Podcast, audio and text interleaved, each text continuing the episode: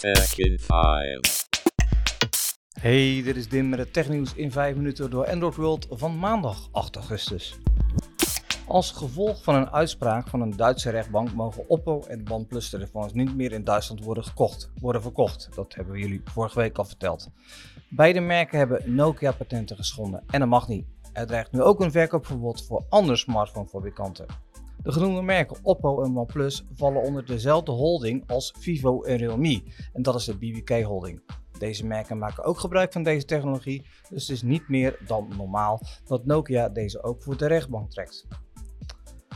Men verwacht wel dat er een deal gemaakt zal worden voordat de rechtbank echt tot het handhaven van het verbod zal overgaan. Het schijnt dat Nokia 2,50 euro per smartphone eist. Dat klinkt redelijk, maar Nokia wil deze deal voor heel de wereld gaan sluiten en niet alleen voor de Duitse markt. Alleen van, alleen van het merk Oppo gaan er zo'n 200 miljoen over de toonbank wereldwijd. En dan zou de rekening alleen al voor Oppo 500 miljoen euro hoog zijn. En dat is nogal een dingetje. Gaat de BBK Holding hier niet mee akkoord, dan zal het merk uit Duitsland verdwijnen. En daar verkopen ze slechts 2 miljoen stuks per jaar, dus het effect op de wereldschaal is wel te overzien voor het bedrijf. Maar de verwachting is dat Nokia dan in elk land zal gaan procederen en dan kom je alsnog op een geheel verbod uit. Het is een interessant spel, want wanneer de bovenstaande merken verdwijnen, heeft Nokia daar niks aan, want dan genereren ze geen geld. De verwachting is dan ook dat er flink onderhandeld zal worden met een akkoord als gevolg. Niet alleen Nokia is aan het procederen, maar Google ook. Die hebben namelijk een zaak aangespannen tegen Sonos omdat deze technieken en dus patenten van Google met betrekking tot slimme speakers zou hebben gebruikt in de eigen producten. Sonos en Google waren al niet de beste vrienden, want Sonos klaagde op zijn beurt weer Google aan toen zij de slimme speakers aan het ontwikkelen waren. Daar zaten blijkbaar ook Sonos technieken in. Dus de advocaten van deze wereld hebben het er maar druk mee. Het zal je niet ontgaan zijn, op het toneel van de wereldpolitiek heeft iedereen het aan de stok met iedereen. Dat is ontzettend irritant, niet productief en niet efficiënt en ook nog eens ontzettend onhandig voor onze vrienden van Apple. Onderdelen van de nieuwe Apple 14 worden in de chipfabriek TSMC in Taiwan gemaakt. Maar de smartphones zelf worden in China in elkaar gezet in de fabrieken van Foxconn, die op zijn beurt ook weer van Taiwanese origine zijn.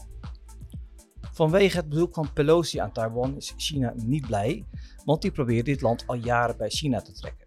Daarom heeft de Chinese regering de eis om producten van Taiwan naar China te brengen aangescherpt. Om een importverbod te voorkomen, levert Apple zijn producten nu als Made in Taiwan, China, waarmee ze in principe het Chinese standpunt dat Taiwan bij China hoort erkennen. Apple is met de Amerikaanse regering al lang bezig om de chip, chipfabriek van TSMC naar de VS te halen. En heeft ook, om aan de grote vraag van chips te kunnen voldoen, in de grote markten als Brazilië en India eigen fabrieken neergezet. Gratis. Wij houden van gratis. En dan moet je als het goed is bij Google TV zijn. Enkele knappe koppen hebben in de code aanwijzingen gevonden dat er 50, ja 50 gratis tv-kanalen naar deze dienst komen. En Google TV is gratis, dus je krijgt gewoon gratis kanalen voor niks, van noppes, van nada om naar te kijken. Men denkt zelfs te weten welke kanalen het zijn. Dat zijn onder andere een aantal nieuwskanalen van CBS en NBC, Hallmark Movies en kanalen als Divorce Court en Deal or No Deal. Waarschijnlijk niet echt kwaliteitstelevisie, maar roepen dat er niks op tv is, kan daarna echt niet meer. Coolwalk is de codenaam van de interface van Android Auto waar Google al een tijdje achter de schermen aan werkt. We zagen eerder dit jaar de eerste screenshots van deze CarPlay-achtige interface, met onder andere het nieuwe dashboard met widgets voor onder andere muziekbediening, een weergave van de laatste melding, het weer en een klok. Je kan de screenshots van de nieuwe interface in het artikel van Android World bekijken.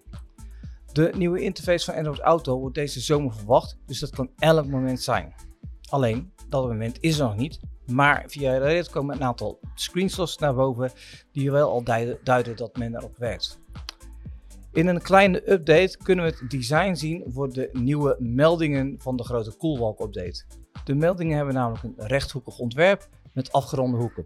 Wil je die beelden echt zien? Kijk dan nogmaals op androidworld.nl. Dit was hem weer voor vandaag. Wil je meer Tech 5? Nou, dan zien we je morgen gewoon weer. Later!